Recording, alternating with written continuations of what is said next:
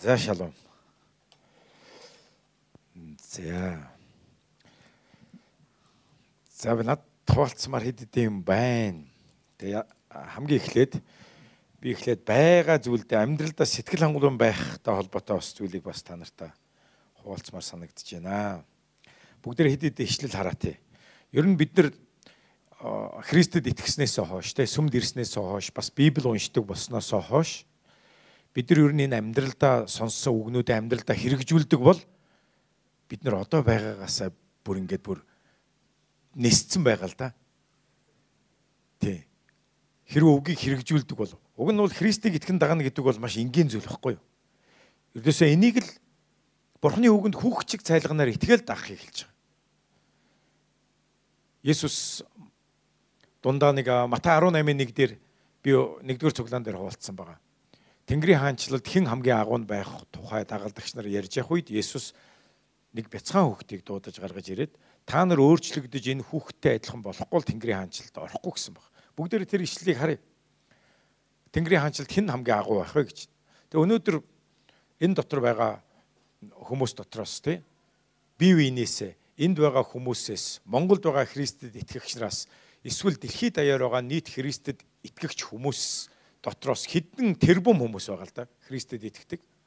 Тэгэхээр энэ олон Христэд итгэгч дотроос за яг хоо дэлхийтэй жишээд яг уу зөв сүм чуулганаас ач гэдэг юм уу. Эсвэл Монголд байгаа Христэд итгэгч нар дотроос Тэнгэрийн хаанчлалд, Бурхны энэ хаанчлалд хамгийн агуу нь болохыг хүсвэл Есүс энд зааж өгч байгаа. Хэн хамгийн агуу байх вэ? Тэнгэрийн хаанчлал гэдгийг та нар хоёр утгаар ойлгож болно л доо. Нэгдүгээрт Тэнгэрийн хаанчлал бид нар шууд автоматар Тэнгэрийн хаанчлал гэхээр шууд деважин бод гэж байгаа тийм Тэнгэрт Тэнгэрийн хаант ус. Тэр Деважин тэр бодогдож байгаа. Мэдээж энэ бол зөв ойлголт. А бас нэгэн чухал ойлголт байгаа. Тэнгэрийн хаанчл гэдэг нь бас энэ газар дээр амьдарч байгаа бидний өнөөдрийн өдөр тутмын амьдралын энэ газар дээр байх амьд байх хугацаанд би Тэнгэрийн хаанчлалд дотор бас амьдрах гэдэг те холбоотой зүйл. Өнөөдөр энд харах юм бол бид нар бүгдээрэнд нь өөр өөрийн гэсэн амьдрал цаг хугацаа орон зай хүсэл мөрөөдөл авьяас чадвар нөлөөлж байгаа ямар нэгэн нөлөөллийн цар хүрээ бидэнд харилцсан адилгүй байгаа л да. Гэхдээ ямар ч нөхцөл байдалд байсан ч гэсэн өнөөдөр Христэд итгэгч та бид нар бас хараахан деважин руу явчаагүй энэ дэлхий дээр амьдарч байгаа мөртлөө Тэнгэрийн хаанчлалыг тээж Тэнгэрийн хаанчлал дотор амьдрах бас боломжтой таны амьдралд Тэнгэрийн хаанчлал байж та энэ Тэнгэрийн хаанчлал дотор энэ газар дэлхий дээр энд төр зур амьд байх хугацаанд Тэнгэрийн хаанчлалыг тээж амьдрах боломжтой. Тэр нь юу вэ гэвэл Есүс рүү бүгдээрээ бас харчээ. Есүс бол үнэхээр Тэнгэрийн хаанчлал дотор агуу нэгний жишээ байхгүй юу? Есүс өөрөө. Энэ дэлхий дээр яг бидэнтэй адилхан мах цустай, бидэнтэй адилхан хүн мөртлөө Есүс Христийн өөрийнх нь өдөр тутмын амьдралд Тэр бол Тэнгэрийн хаанчлал дотор алхаж байсан Иесус. Түүний амьдрал гайхамшиг, тэмдэг, үхлээс амьлах, чөтгөрүүдийг зайлуулах, өвчтөө хүмүүсийг идгэх янз бүрийн агуу гайхамшиг дотор хүм мөртлөө бидэнтэй адилхан хүм мөртлөө хүмүүн бусын хүч чадал гайхамшиг тэмдэг юр бусын мэдлэг мэрэгүү ухаан дотор явсан. Бидэнтэй адилхан бидэн тохиолддог зовлон бэрхшээл, хавчлага, доромжлол, гүтгэлэг бүх зүйл түүн дээр ирсэн боловч Есүс аль нь ч гутарж унаагүй, цөхөрж унаагүй. Харин амар тайван баяр хөөрөөр дүүрэн тэр хизээч аргаа барж цөхөрж гутал гутарж гоншгонож байгаагүй. Тэр байтугай загламай дээр түүнийг доромжлоо цовдлж байхад өөрийг нь алж байгаа хүмүүсийн төлөө тэр зуушлан залбирч аава энэ юу хийж байгаагаа мэдгүй хүмүүсийг уучлаач гэж залбирч чадсан. Тэр Тэнгэрийн хаанчлалд агуу амьдэрсэн. Энэ газар дэлхий дээр байхдаа Тэнгэрийн хаанчлал дотор амьдэрч чадсан байхгүй. Тэгэхээр бид нар энд бол би хожим нэгэн өдөр э, одоо нас барах үед Тэнгэрийн хаанчлалд очиноо, Деважинд очино гэдэгт итгэж байгаа хүмүүс гараа өргөдөө. Надад мөнгө хайм байгаа. Би үхээд хизээш там руу явахгүй. Амен. Итгэгч нар бол Христэд итгэснээр гим нүгэл уучлагддаг. Есүс загалмай дээр цовдлогдохдоо бидний нүглийн төлөөсийг төлсөн бөгөөд түүний нэрэнд бид нэр итгэхдээ амьдралдаа хийсэн бүх гим нүглээ гимшиж Есүсийг аврагчаа болгон амьдралдаа урьж хүлээж авснаар нүгэл уушлагддаг гэдгийг бид мэддэг. Бид бүр мэдэрсэн. Бидний одоо бид бол айдгууг авдартаа хийсэн. Бид бол хизээш там руу явахгүй гэдгээ бид нар бол мэдж байгаа. Яг гэвэл энэ гэрчлэл ариун сүнсээр бидний зүрх сэтгэлд бүр тамх шиг дардаг баг. Ариун сүнс биднийг бүр тамгалцсан гэж Библи хэлдэг. Бид нар энэ тамхтай сэтгэлдээ бид нар энийг мэднэ. Итгэдэггүй хүмүүс хараад эдгээр балаа солиотой юм шиг девожинд очино гэдэг ах ингэж гайхаж магадгүй. Гэтэ бид бол дотроо гэрчлэлтэй биднийг тамгалцсан баггүй. Тэгээ энэ тамга бидний дотор ариун сүнсээр тамгалагдсан учраас бидний дотор гэрчлэл байдаг. Бид бүр мэддэг. Бид би бол хизээч там руу явахгүй гэдгээ. Энэ гэрчлэл бидний сүнсэнд ирсэн. Амен. А гэхдээ энд байгаа би девожинд очино гэдэгт итгэж байгаа бүх хүмүүс девожинд энд өнөөдөр Христэд итгэж девожинд хожимд нас барах үедээ девожинд очих хүмүүс энэ амьдралдаа тэгтээ Тэнгэрийн хаанчил дотор амьдрдгүү хүмүүс байдаг. Тэнгэрийн хаанчил дотор алхдаг. Тэнгэрийн хаанчлалын дотор харин хамгийн сул дорой мөхс байж идэг. Гайхамшиг тэмдэг болдгоо. Өвчтөе хүн дээр залбирдаг. Идгэрэл болдгоо. Моёрын сүнс чөтгөрийг зайлуулсан чинь чөтгөр нь зайлдгүй харин өөрийг нь чи зайл гэдэг өөр айга зүхтаа явчихдаг. Харин энд Тэнгэрийн хаанчлалд хэн хамгийн агуу байх вэ ярьж. Есүсээс фарисеучуд асууж ирсэн тийм үү? Тэнгэрийн хаанчл хаана байгаа юм бэ? Энэ яаж ирэх юм бэ? Хэрхэн Тэнгэрийн хаанчлал ирснийг мэдэх юм бэ гэсэн чинь Есүс юу гэж хэллээ? Тэнгэрийн хаанчлалыг тэнд энд байна гэж хэлхийн аргагүй. Энэ бол та нарын дунд байна гэж хэлсэн. Тэгэхээр энэ Тэнгэр дэх Деважингийн тухай энд Есүс яриаггүй. Тэнгэрийн хаанчл гэж өнөөдөр итгэгч нар бидний дунд байх Тэнгэрийн хаанчл тэнд энд байна гэж хэлхийн аргагүй. Итгэгч болгоо энийг хаанч хизээч тээж явж байна. Энд байгаа хүмүүс дотроос магадгүй нэлээ хэдэн яг энэ Тэнгэрийн хаанчл дотор амьдарч байгаа хүн байна. Энэ Тэнгэрийн хаанчлыг тээж энэ гайхамшиг тэмдэг Тэнгэрийн хаанчлалын амар амгалан баяр хөөр дотор алхдаг. Мөн Библиэлд ийм үг байгаа шүү дээ. Тэнгэрийн хаанчл бол идэж явах өмсөх зүх бишээ. Харин зөвхт байдал. Амар тайван. Ариун сүнс доторх баяр хөөр юм а гэж. Тэгэхээр Тэнгэрийн хаанчлалд алхаж байгаа хүн зөвхт амьдэрдэг. Энэ ишлийн дагуу Тэнгэрийн хаанчлалд алхаж байгаа хүн гим нүглээс ангид худал хуурмаг завхаа тачаал уур хилэн хорсол үзэн ядалтаас бардамлаас чөлөөлөгдсөн ангид тэр хүнийг яаж хадгасан тэр хүнээс ер нь хорсол үзэн ядалт гарахгүй шүү. Харин уучлал гарна өршөөл гарна Тэнгэрийн хаанчл бол идэж явах хөмсөх зүх бишээ Тэгэхээр би та нарт хэлмээр байна. Идэж явах өмсөх зүгт бити санаа зовоорой Өвлийн күрдэгтэй хүн илүү бити тансаг шүү бити шунаарай. Та өнөөдөр дулаан хувцастай бол баярл талрах байгаадаа сэтгэл хангалуун байна. Тэнгэрийн хаанчлал бол идэж явах өмсөх зүх биш. Харин зөвхт байдал. Харин та зөвхт бус амьдрч байгаатаа санаа зовоорой. iPhone 11 танд байхгүй гэж болно. Хизээ нэгэн цагт тэр iPhone 11-тэй байтугай iPhone 20 гарах үед барих цаг ирж л таараа эзэн нэгэн цагт. Барихгүй исэн чи яа вэ? Байгаадаа сэтгэл хангалуун байгаад. Өнөөдөр танд мессеж илгээж болох. Нэт рүү орж болох. Гар утас байгаа бол тэр нь iPhone вэ нөө Galaxy вэ нөө тэр ямар хамаас юм. Байгаадаа сэтгэл хангалуун бай. Тэрийгээ сайхан ашигла. Харин бид нар Тэнгэрийн хаанчил дотор би алхаж байна уу гэдэгтээ санаа зовох хэрэгтэй шүү. Миний амьдрал зөвхт байдал байна уу? Эсвэргээр та гим нүгэл дотор алхаж байгаа бол энэ үндэ та уйлах хэрэгтэй. Би яагаад гимтэй байх? Би яагаад гимээсээ чөлөөлөгдөж чадахгүй байх? Яагаад би ийм агуу бурханд итгэчгээд би ийм агуу ариун сүнсээр дахин дөрчгөөд би нүглийн хоригдол боол байгаа юм бэ? Энэ үндэ уйлж санаа зовох хэрэгтэй.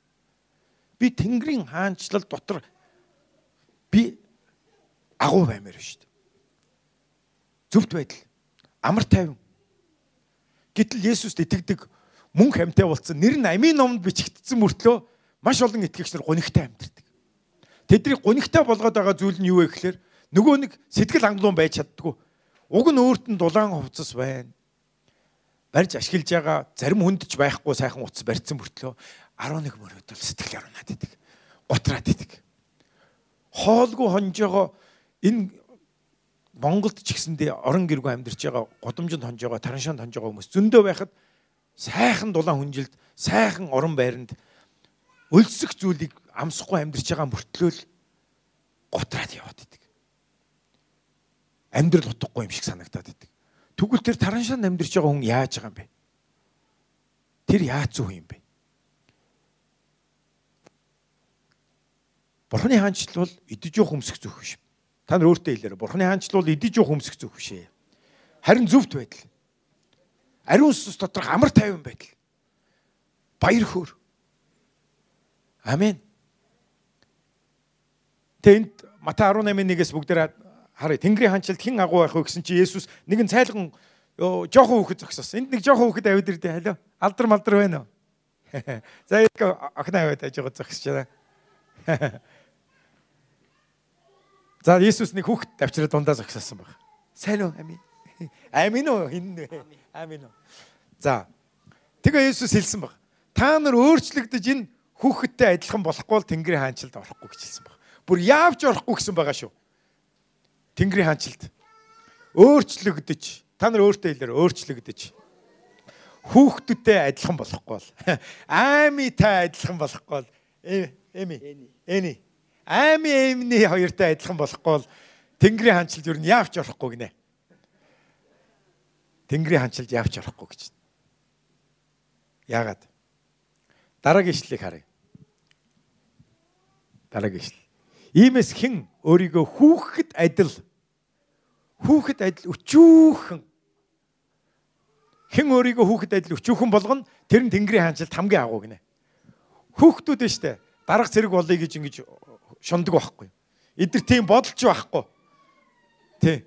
Нэг дарга болчих юмсан нэг одоо энэ гэр бүлд нэг аав жоохон томроод байна да тий. Оронд нь би аав болчих юмсан энэ төр гэж тийм байхгүй шүү дээ. Энэ тоглоол энийгээл явж гэн. Тэгээ хүүхэд бол за өнөө орой юу иднэ? Энэ төр гэж санаа зовхгүй шүү дээ. Угаас аав ээжтэйгээ мэдчихэж байгаа. Угаас өлсөх мөлсөх гэдэгт санаа зовхгүй эднэр хаана амьдрнаа амьдрнаа. За байрны түрээс мөрөөс гэж бодохгүй шүү дээ энэ. Юу ч бодохгүй. Зүгээр л аавынхаа ээжийнхаа хайрын дотор зүгээр ингээл яваад байгаа. Тэгэд яаж ийн? Тэгээ санаа зовхгүй байлаа гэд өлсөхгүй байгаа үстэй. Харин хамгийн сайхныг идэл хамгийн сайныг өмсөөл явж байгаа үстэй. Огт санаа зовхгүй. Тэгээ аав ээжийнхаа харин үгэнд дуулгарт орох хэвээр. Аав ээжийнхаа үгэнд дуулгаргүй байвал харин ташуурдуулна, сахилгажуулна. Тийм ээ? Оо бусдаар бол зүгээр санаа зовох юм байхгүй хүүхэд. Тэ энд хэлсэн байна. Хараа бид нар бурханд болон түүний үг үг сургаалд хэрхэн яаж итгэхийг бүр санаа зовхгүйгээр цайлганаар итгэхийг энэ хүүхдэр дамжуулаад Есүс хэлсэн баг. Бурхны хаанчлалд агуу болыг үл хүүхэд шиг цайлган итэг Тэгтэл бид нэр өстө бөөм муу санаатай хүмүүс тий. Бурхны үг сургаалыг бүр ингээ шүүвч гисэн ингээд аль болохоор хэрэгжүүлэхгүй бүх талаас нь бодож үзнэ. Тэгээд эцсийн эцэст гаргасан шийдвэр хийхгүй. Тэгээ толгойдоо бол баахан мэдлэгтэй. Библиэр маргалдаж чадна, мэтгэлцэж чадна. Библи уншихдаа хэн нэгнийг пастрыг мад болох гэж уншдаг. Харин амьдралдаа тэр мэдж байгаа, мэтгэлцэж байгаа тэр зүйлээ хизэж хэрэгжүүлдэг. Тийм учраас Тэнгэрийн хаанчлалд эсрэгээрээ өчүүхэн нь хамгийн адагт бүр яавч Тэнгэрийн хаанчлалд орохгүй болчихж байгаа. Тэнгэрийн хаанчлал амьдралд нь байхгүй. Харин бид нар хүүхэд шиг би анхтайгаа Христээр ирэхдээ зүсэн бүрийн муу санаагаар дүүрчихсэн нэг ирж байла. Оюун санаа бол ердөөсөө ялзарцсан өвчтөө ирүүл биш. Хизээ чин толгой зүв ажиллахаа болсон Хүмүүсийн талаар бодохдоо дандаа сөрөг бодно, гаднаас нь хараад хүнийг дүгнэн тэр дүгнэлтэндээ 100% итгэнэ. Энэ ийм л хүн. Би тэр хүнийг мэдэхгүй шүү дээ. Нэг сарч цуг амьдраагүй. Зовлон жаргалаар туулаагүй мөртлөө би хараад шууд дүгнсэн. Тэгэл яг ийм л хүн гэсэн. Тэгтэл шал алдаатай бодож байгаа байхгүй. Библиэлд алдаатай дэнслэх нь бурхны жигшлийг төрүүлдэг гэж хэлсэн байна. Харин зөөр дэнслэх нь түүнд тааламжтай. Тэгэхээр бидний оюун санаа бодол санаа бол маш их бардамнал ихэрхэл цэцэрхэл тэгээ бурхны үгийн эсрэг маш олон цэцэрхлийн ханыг босгоцсон. Энийг Библиэлд бурхны мэдлэгийн эсрэг тэрслэгч цайз гэж хэлсэн байна. Аль болохоор бурхны үгийг хүлээж авахгүй талаасаа оюун санаанда мэдлэгийн цайз босгоцсон. Оо шинжлэх ухаанаар тэгдгүүл ахгүй юу? Миний уншсан тэр номоор бол тэгдгүүл байхгүй юу гэсэн. Илдв янзын гүн ухаан харахад бол гүн ухаан мэт үзэгдвч. Үнэндээ бол таныг зүгээр л ихэрхэг бардам мэтгэлцэгч болгоцсон үр жимс байхгүй. Тийм л болгочдөг. Тэг Христээр ирээд би Бурханаас маш их гойсон зүйл юу гэж Бурхан минь би хүүхчиг цайлган болох юм санал гэж гойдог байсан. Та намайг хүүхчиг цайлган болгож өгөөч ээ гэж. Тэгэд би зүрх сэтгэлдээ болон оюун санаандаа ингэж эдгэрлийг их гойдог байлаа. Тэгэл Бурханы үгийг хүүхчиг цайлганаар зүгээр хэлсэн бол итгэл өвчтөө хүн дээр гар тавь гэж байгаа бол би элдв янзын эргэлзээ ирнэ штэ. За нэр намайг юу гэж бодох энэ хүн те. Эсвэл идэрхгүй бол тэгээ яана гэсэн элдв янзын эргэлзээ ирээл би болчдөг штэ. А харин Есүсийн үгийг би хүүхчиг цайлганаар өөрийгөө дорд болгон хүлээж авахын тулд очоод залбирах хэрэгтэй болдог. Нөгөө нэг муу санаануудыг элдв янзын мэдлэгийн цайзуудыг хойш нь тавиад за за эзэн минь би дуулууртаал дагая. Есүсээ эдгэж өгөөч ээ. Ингээд залбирах хэрэгтэй болдог. Өөрөөр хэлбэл үгийг дагахын тулд би хүүхчиг цайлганаар дагахын тулд өөрийнхөө дотор болж байгаа бүх эсэргүүцэл мэдлэгийн тэрслэл мэдлэгийн цайзуудыг нураагаад өөрийгөө дорд болгоод за за эдгэрхгүй байсан чи яа тий намайг тэнийгээ шоолсон чи яах вэ би Есүсийн үгийг л дагая. Сая энд хэлсэн байгаа шүү. Хэн хүүхчийг өөрийгөө дорд болгоно гэж хэлсэн. Өмнө нь бол би доошоо орчих вэ? Яа энэ намайг юу гэж бодчих вэ гэл зүссэн бүрийн ингээд одоо нөгөө санаа зовлттой тий. Өөрийгөө ерөн за доош нь оруулчвал ёстой болохгүй. Хэн нэгэнд нэг сул дорой харагчвал дими ёстой болохгүй За намайг сүмж явж ийн гэвэл одоо энэ хүмүүс юу гэж бодох вэ? Нөгөө найзууд маань юу гэж бодох уу гэдэг элдв янзын сөрөг бодлуудыг тэгээл сүмрүү ирж байгаа шүү дээ. Тэгээ найзууд ч гэсэн ярьсан те нараа яст тэгээ балаа болцсон тэнэг болцсон ингээл тэгэж ярьж байгааг нүднээс нь харахад намайг тэнэг хүн шиг харж байгаа. Тэр харцуудыг сөрөөд тэнэг юм шиг царайлаад яг өөрийгөө дорд болгоод те яа тийм доромжлол доромжлол л үз арх хууж эрүүлжүүлэгдэж шоронд орж байхдаа ичээгүй юм чинь би өнөөдөр би бурхны зөвхт байдлыг хэрэгжүүлэхээс юунд нь ичтий? Яадгийг Тэгээд өөрийгөө дорд болгох үед үнэхээр гайхалтай. Тэгээ түрүүн багийн миний тухай ярьлаа шүү дээ.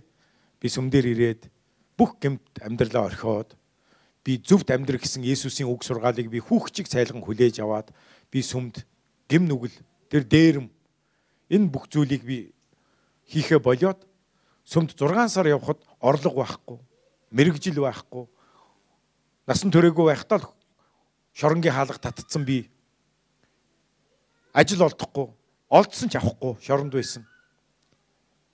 Тэгээд сүмд яв 6 сар явсан чинь ямар ч гим нүгэл хууль бус орлогогүй болчихлоор хүн чинь дампуурд юм ба штэ.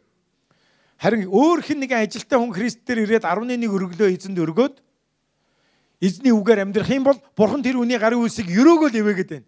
Харин дээрэмчин Христээр ирэхэд бол ивэгддэг юм байлээ шүү. Тий, орлого байхгүй. Харин тэр үед би яасан гэж 6 сарын дараа 6 сар өмссөн өмс маань цоороод ойж өмссөөр байгаа та нар мэдж байгаа тий. Гутлан дотор нөгөө хид хид ойдсон өмс чинь хөл холгоод нөгөө ойдл нь арьс цулгалаад ахлаар нь тайл тайрч хаяад яг энэ сууж байгаа залуучуудын дунд би 1996 онд цөм сууж байхдаа би хөл нүцгэн сууж ирсэн. Урд нь би оймсыг угааж өмсдгөө юм байсан. Ямар учиртай юм бэ гэхээр нэг өдөр омс өмслөө дэлгүүрт ороод арх авахтаа хажуугаар нэг 6-гийн даваа омс аваад орцонд ороод омсоо сольж байгаараа явна. Тэгээ маргааш нэг дэлгүүрт ороод нэг арх авахтаа нэг нэг омс авчаал өмсөө явна. Миний омсны агуулах дэлгүүр байлаа шүү дээ. Тим нэг олон омс байдгүй дэлгүүрээс л юм аваад өмсөөл тэгэл маргааш нь тайлаа ичдэг. Тэгээ шинийг өмсөө явчихдаг. Тэгсэн чи Христээр ирсэн чи нөгөө ганц нөгөө омс чинь цоороо 6 сар болцсон. Тэр үед би 6 сар Есүсийг шинэ итгэгч дагаад ямар ч орлогогүй тэгээ юучгүй болсон хүн би дахиад Есүсийг жил дагна гэсэн чинь миний ирээдүй ердөөсөө ямар ч найдвар байхгүй бүрхэг болсон. Тэгээ тэр шүн би шийдвэр гаргасан. Би гуйлахчин болсон ч Иесусыг дагая. Тэгээ ерөнхийдөө би юу гэж шийдсэн бэхлээр гуйлахчин болыг шийдсэн. Ажил байхгүй, мэрэгжил байхгүй. Намайг хинч ажилд авахгүй. Тэгээд 6 сар Иесусыг дагсан омсгүй болсон. Тэгээ одоо би орлого олыг үл миний хийж чаддаг юм дээрэм. Тэгтэл Библи намайг гимт амьдралаа орхих, намайг даг гэж хэлсэн учраас би нүгэл хийгээд амьд явснаас би зөвийн төлөө үхий гэж шийдсэн. Яагаад гэвэл би мэдж байгаа. Миний итгэл худал биш үнэн. Би хожим өгөхөд би хизээч там руу явахгүй. Би деваачин руу явна. Би тийм учраас Тэнгэрийн хаанчлалыг хүлээж авахдаа би өөрийгөө дорд болгосон. Дорд болгоно гэдгийг би үздсэн. Тэр үед надад ямар бодлоод орж ирж байсан бэ гэхээр би гуйлагчин болох үед хүмүүс намайг шоолоод тараншааны гадаа юм уу дэлгүүрийн гадаа ингээд гуйлг гуйж байгаа намайг хүмүүс харахтаа шоолж, илэглэж, доромжилж, зарим нь муу хогчин тест зүүн новш байсан. Нүгэл нүдэрээ гарч байгаа гэдэг гэж доромжилж байгааг ингээ харах үед надад тест маш гутам гутамшигтай байсан. Тэгээ би за яат. Тэгэл девачнд л очиж штэ. Хангалттай би энэ амьдралдаа нүгэл хийсэн. Одоо би нүгэл хийхгүй. Би урд нь Есүсийг итгэдэггүй байхдаа нүгэл хийжсэн. Харин одоо би Есүст итгэжгээд нүгэл хийвэл бүр аимшигтаа шийтгэл хүртэнэ. Учир нь мдээгүй хүн шийтгэгдэнэ. Гэхдээ мэдсэн хүн нүгэл үйлдвэл ташуурын амт илүү их хүртэнэ гэж байна. Тийм учраас би үгүй гэсэн. Би дахиж нүгэл дээрээ нүгэл нэмэхгүй. Тэгээ би бодож байгаа байхгүй. За. Одоо би 24 хүрж байна. Ойлгочин болно. Хөдөн нойтын юм идэн, хог мог идэн, өвчин тусна, эмнэлэгт очино. Эмчнэр намайг эмчлэхгүй. Яагаад гэвэл нийгмийн даатгал байхгүй учраас эмчлэхгүй. За үсрээл тавихгүй л хөх юм байна гэж би тооцож байгаа байхгүй. За хүмүүс хүмүүс доромжлол бүх юмыг би тооцсон. Бүх эрсдлийг нь би тооцсон. Гуйлахчин болох юм. Доромжлол, өвчин, тараншаан тон. За тэгээд би залуу хүн байсан учраас би гэрлэн гэдэг бүх хүсэл мөрөөдлийг би бас давхар өхүүлж байгаа. Наадтай хийн суух. Би ямар аавын охиныг авч суучаад гуйлахчин болгоод цуг явах юм. Тийм учраас би тэгж шийдэхдээ би бас надад биг гэрлэхгүй. Ганц биеэр амьдрна. Өр удмаа үлдэх мүлдэх. За дүрч Ингэж бодоход надад маш хэцүү байсан шүү. Маш хэцүү байсан. Гэхдээ би дорд болгосон өөрийгөө. Би үр дорд болгохдоо би гуйлагчин болж өгөх тийм шийдвэр гаргасан. Хүн нэг бизнес хийх гэж ашиг олохын тулд нэг төлөвлөгөө гаргадаг штеп. Бүх эрсдлийн тооцоол. Тийм ээ? Тэгээ ашгаа боддог, хүртэх ашгаа. А би гуйлагчин болох гэж би бүх эрсдлийг тооцсон. Доромжлол, гэр бүлгүй байдал, хүнтэй суухгүй, үр удмаа үлдээхгүй, Тэгээд хүүтэн нойтын юм идэж хог тууж ингэж нохоо шиг амьдраад эцэст нь нохоо шиг би гудамжинд тараншаанд өхөн. Тэгээ би дэважинд очино. Миний эрсдэл бол ойлгох юм биш. Би бүх эрсдлийг татсан. Харин миний ашиг нь дэваж юм биш. Би тэгж шийдсэн. 1996 онд тэгсэн чи өнөөдөр би та нарын өмнө бурхны гуйлах чинь зогсож байна л та.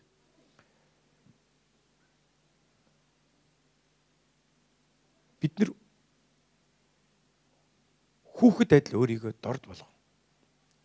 Бурханд бууж өгөх үед ялангуяа гим нүгэлдээ. Бурхны хаанчлал бол энэ ишлийг та нар минь зүрхэндээ аваарай. Бурхны хаанчлал бол идэж идэх болон уух явдал биш.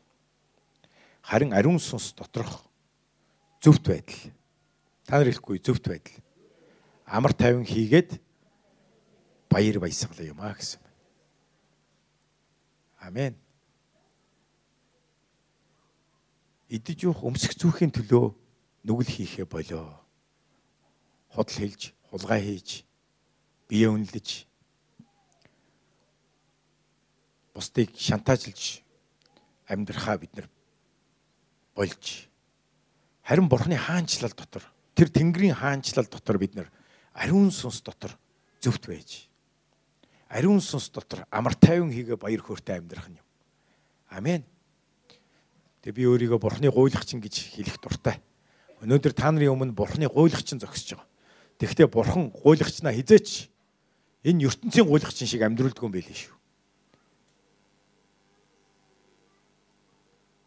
Өмнө нь бол би эзэнд итгэдэггүй байхдаа өмсөж зүүж байгаа, идэл чиргэлж байгаа зүйл маань дандаа л зөвхт бус аргаар орж ирсэн зүйлүүд байсан. Аллийг нь ч би хөдөлмөрлөж аваагүй. Тийм л зүйл байсан. Харин одоо ялгаа нь юу гэж би өнөөдөр миний идэл чиргэлж байгаа, өмсөж зүүж байгаа зүйл би бас алийг нь ч худалдаж хөдөлмөрлөж аваагүй. Тэгвэл би нэгийг нь ч дээрэмдэж, хулгайлж, худлаа хэлж би буруу замаар аваагүй. Энэ бүх зүйлс Мата 6-гийн 33 дагалдаж ирсэн. Мата 6-гийн 33-ыг хамтдаа харъя. Та нар итгэхгүй байна уу? Та нар итгэхгүй бол Бурхны хаанчлалд орохгүй. Яавч орохгүй. Харин итгээд энэ үгийг хэрэгжүүлэх юм бол Бурхны хаанчлалыг Бурхан яаж өрөөдгийг та нар харах бол энэ нь яаж дагалдаж ирдгийг бүр нэмэгдэж өгөгдгийг Бүгдээрээ Матай 6-гийн 33 энэ бид нар зүгээр Матай 6-гийн 33 дахь ишлэлийг л хараад байгаа боловч эн чинь бүр ингээд Матай 6 дахь бүлэг ингээд 1 дугаар ишлэлээс ингээд явж байгаа шүү. Тий 1 дугаар ишлэлээс авахгүйла явж байгаа зүйл байгаа. Бид нар яг хөө товчлоод энэ цуглааны цаг баг учраас иш татаад байгаа болохоос ш та нар бол гэртээ Библиэтэй учраас гэртээ Библийг бүлэг бүлгээр нь ном номоор нь уншиж байгаараа. За ингэсэн байна. Гагцгүй эхлээд гагцгүй эхлээд гэдэг нь бүр харин эхлээд бүр юуны төрөнд гэсэн үг шүү. За гагцгүй эхлээд гэдгийг юуны төрөнд гэж өөртөө бас орчуулж уншиж болно. Хэлэхгүй юу? Юуны төрөнд. Бүр хамгийн ихэнд бүр нэн чухалчлан бүр яаравчлан ихтэй тайх ёстой зүйл юу вэ гэхээр Бурхны хаанчлал болон зөвхт байдлыг хай. Амен. Бурхны хаанчлалыг хайна гэдэг нь тэгвэл юу юм бэ? Бурхны хаанчил болон зөвхт байдлыг хайвал бүхнийг та нарт нэмж өгнө гинэ. Нэмж өгнө. Биднэрт хэрэгцээ байдаг тийм үү? Бид бүгдэнд нь хэрэгцээ байгаа. Өмсөд зүүхээс сахгуулаад, өвөл бол дулаан хувцснаас сахгуулаад, зарим нь бас зарим нь iPhone 11 мөрөөдж байгаа хүүхдүүд байгаа шүү дээ, тий? Буруу биш л дээ. Гэхдээ та нар худал хэлж, хулгай хийж, бие үнэлж, хизээ чин бузар муу замаар ертөнцийн хүмүүсийн хийдэг аргаар болохгүй. Харин эхлээд Бурхны хаанчлалыг хайж. Тэгвэл Бурхны хаанчлалыг хайна гэдэг нь юу юм? Бурхны хаанчлалыг хайна гэдэг нь сая энд их шилжлээ зөвхт байдлыг хайх. Маш зөв. Бурхан зөвхт байдлаар хаанчилдаг учраас зөвхт байдлыг хийж ийн гэдэг чинь Бурханаар хаанчлуулж яах гэсэн үг. Бурхан хизээч буруу зүйлийг хий гэж хэлэхгүй. Бурхан хизээч чамайг худлаа яар гэж хэлэхгүй. Яг гэвэл бурхан ариунг учраас тэр гим нүглийг хизээч мэддэггүй. Тийм учраас бурханы хаанчлал болон зөвхт байдал гэдэг чинь яг хамт хэлэгдсэн баг. Энэ бол нэг зүйл. Бурхан зөвхт байдлаар хаанчилдаг. Бурханы хаанчлалын тэр зарлиг тушаал энэ үг бол зөвхт байдлын үг. Тийм учраас миний хувьд худал хуурмаг бузар муу амьдралаасаа бурхнаар хаанчлуулан эргэхдээ дээрэм хийхгүй байхыг сонгосон. Худал хуурмаг амьдралаа амьдрахгүй байхаар сонгосон нь би бурхнаар хаанчлуулан би зөвхт байдлыг хайсан гэсэн. Тэгэд өнөөдөр та нарын өмнө бурхан намайг зогсоосон. Энэ бүхний гэрчлэх гэрчлэлийг би бол амьдралаараа мэднэ. Өнөөдөр хүмүүс намайг харахтаа тий Оо пастор ингээд өмссөн мөмссөн юмыг харахаар аа зарим нь боддог баха. Аа хитрхи энэ ноолорын бичиг. Тий. Энэ баг 600 мянгаас дээшиг үнэтэй бичиг байхгүй юу? Тэгээ хүмүүс хэрвээ хаста ноолорын бичиг өмсөд тэгээ намайг анх iPhone 7 Plus дөнгөж гарах үед надад баг хамгийн түрүүнд ирсэн. Аа 7 плюс бариад одоо одоогор бол 11 барьцсан. Энэ энэ одоо өстой сүмийн мөнгийг идэж уудаг байхаа гэж бодож байгаа бол уучлаарай. Энэ бүхнийг биш үү? Бурхны хүмүүс надад бэлгэлсэн шүү дээ. Над бас ноолуурын пальто байгаа. Би хизээч худлаа ярьж ноолуурын пальто тэр байтугай би залбираачгүй. Би байгаадаа сэтгэл хангалуун байхыг би мэднэ.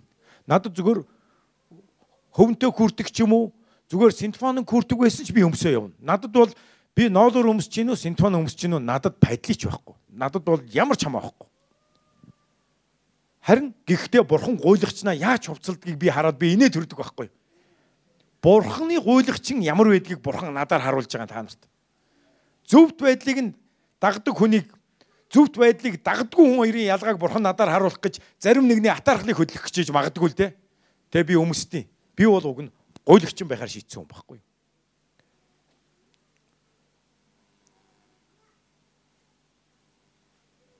Нэг найз маань надад би чамд бижек аваад өгөх гэсэн. Би үгүй гэсэн.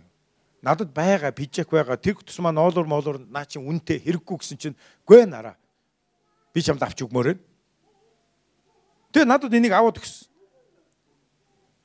Миний номлыг сонсдог нэг хүн Америкаас номлол сонсож таны номлоор би маш их хөвөгцсөн. Би танд iPhone 7 Plus удахгүй гарах гэж байгаа. Хараахан худалдаанд гараагүй байгаа.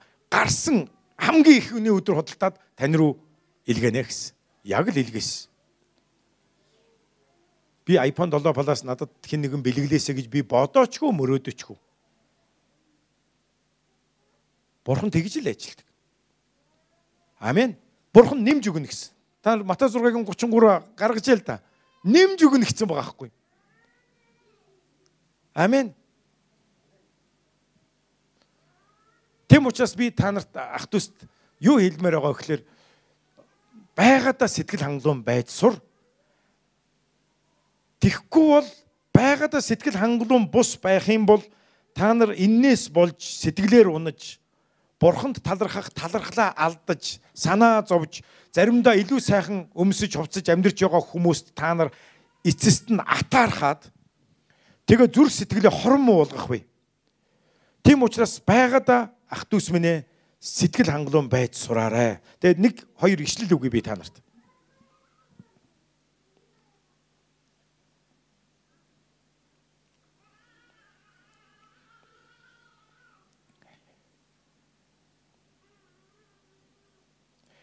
Хоёрдугаар Коринт 9:8-аас 12-ыг хамтдаа харъя. Та нарыг бурхан бүхий л өрөөлөөр бэлхаах чадaltaй.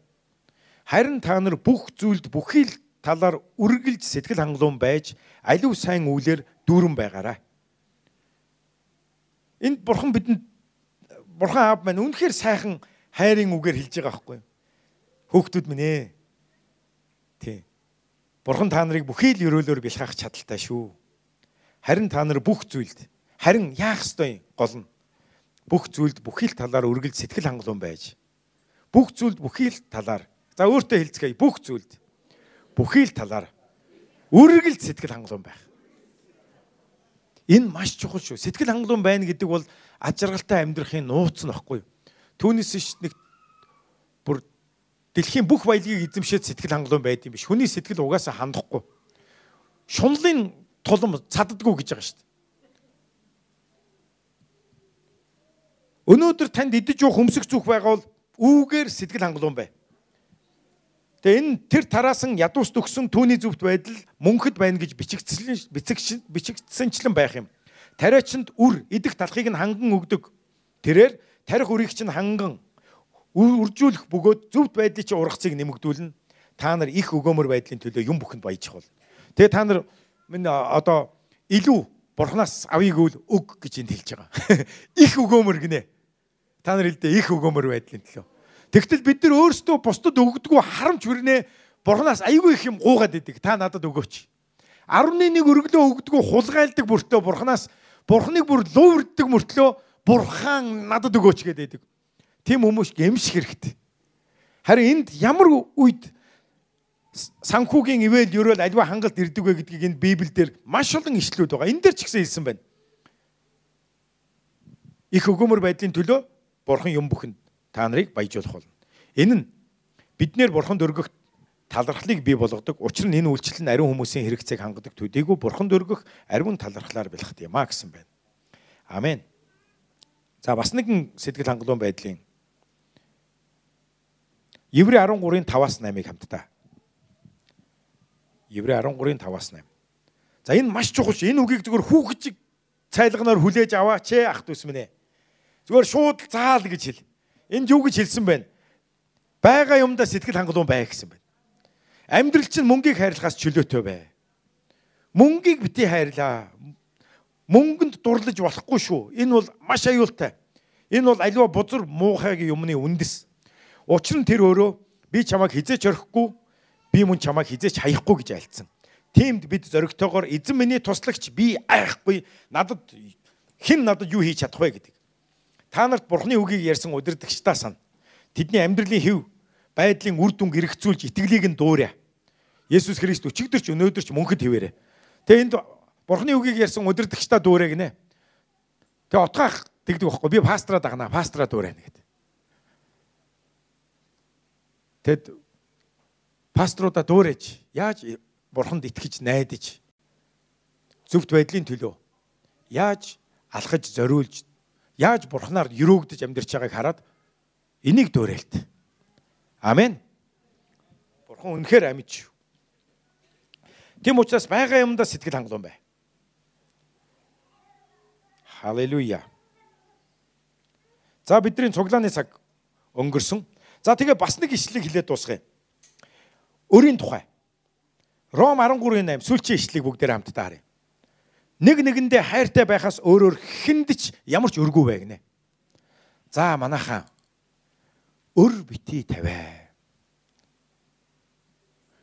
Бүр энд хэлсэн байна. Хамтдаа уншия. Нэг нэгэндээ хайртай байхаас өөрөөр хүндч ямар ч өргүү бай. Бусдыг хайрладаг хүн хуулийг биелүүлсэн хэрэгэ гэсэн байна хүнийг хайрлах л өртөө бай. Бид нар нэг өртөө хүнээсээ ингэдэг штэ. Харахлаар ёо яа нөгөө байнга нөгөө өгөх юма санаад бүр ингэ санаа зовоод байдаг тийм үү? Яг яг энэ шиг хүнийг хайрлахад л ийм бай гинэ. Хүн хүнийг харахтаа би энийг хайрлах ёстой. Ядуу хүнийг зовж байгаа хүнийг харахтаа яг л өртөө хүн шиг яа би энд өгөх ёстой. Би энүүнд туслах ёстой гэсэн яг ийм сэтгэлийг тэ. А харин бусдаар бити өр тавиараа гэж хэлсэн шүү. За яг хөө мэдээж зарим хүмүүс илтгэлдээ нөгөө байрны лизинг дээр бид нар бэлэн шууд мөнгөг төлөөд байр авах чадваргүй учраас хэрвээ та нар өр тавих ёстой бол за байрны лизинг дээр маш ухаалаг ярилцаж шийдэд лизинг авч болно. Гэхдээ төлж чадах тохиолдол ч үү дээ. Амен. Бусад тохиолдолд нэг хоол, унд, хувцасны төлөө, нэг гар утас авахын төлөө бити өр тавиарай та нар минь хүүтэй мүүтэй үрзэл тавьсан баг шиг. Хэрэггүй шүү. Ингиж өөрийгөө өрөнд оруулж дараа нь өөрийгөө сүрэл түргээд яах вэ? Ингиж ах дүүсээсээ мөнгө авчаад дараа нь буцааж төлж чадахгүй зүхтаад харилцаагаа муутгаад яах вэ? Тэгээд эхнэр бит хоёр анх гэр бүл болохдоо ямар шийдвэртэй байсан бэ гэхээр хоёулаа хизээч өр тавихгүй, хизээч юмаа барьцаанд тавихгүй, ламбард нь тавихгүй, хоолгүй бол Зүгээр л бурханд найдаад сууя. Ямар ч л байсан хоёлоо хувц сунар хоолунд бусад тэр зүйлийн төлөө ямар ч үр тавихгүйг шийдсэн. Өнөөдөр үнэхээр амар тайван амьдралын минь бас нэгэн чухал шийдвэр байгаа хгүй. Яг тэгвэл бурхны үгийг хэрэгжүүлж байгаа учраас үр тавихгүй байхыг шийдсэн. Тэгтэл өнөөдөр харах юм бол зарим маш их зовлонд орсон хүмүүсийг харах юм бол юм болгонд л өр тавиал, хүүтэд өр тавиал, дараа нөгөө өрөө төлж чадахгүй өөр нэг хүнээс хүүтэй мөнгө тавиад нөгөө хүндээ өгдөг. Тэгээ 2 3 хүнд өртөө болцсон, 4 5 хүнд өртөө болцсон. Дараа нь заллин мэхлэгч болоод хуулиар ингээд ял авах хэрэгтэй болж идэг. Ингиж өөрийгөө түмэн зовлонгоор сүлбэх хэрэггүй. Танд өмсөх хувцс идэх хоол байгаа бол үүгээр сэтгэлээ хангалуун байгаараа гэж та нарыг уриалж байна. Эзэн та бүхнийг ивэх болтугай. Хамтаа залбираад дуусгая. Эзэн минь үнэхээр мэрэгүү ухаантай амьдрахад, зөвхт амьдрахад эхлээд эзэн минь бид нар хүүхчиг цайлган болж өөрсдийгөө хүүхэд бурхны өмнө дорд болгоход туслаарай гэж залбирч байна. Эзэн минь ялангуяа үр зээлтэй хүмүүсийг та энэ өрийн асуудлыг нурааж шийдэж өгөхөд туслаач. Дахин хизээч үр тавихгүй байхад Есүсийн нэрээр туслаач. Бага зүйлдээ сэтгэл хангалуун байхад туслаач. Хамтдаа хэлцгээе. Би энэ мөчөөс эхлэн бага зүйлдээ сэтгэл хангалуун болох болно. Амен.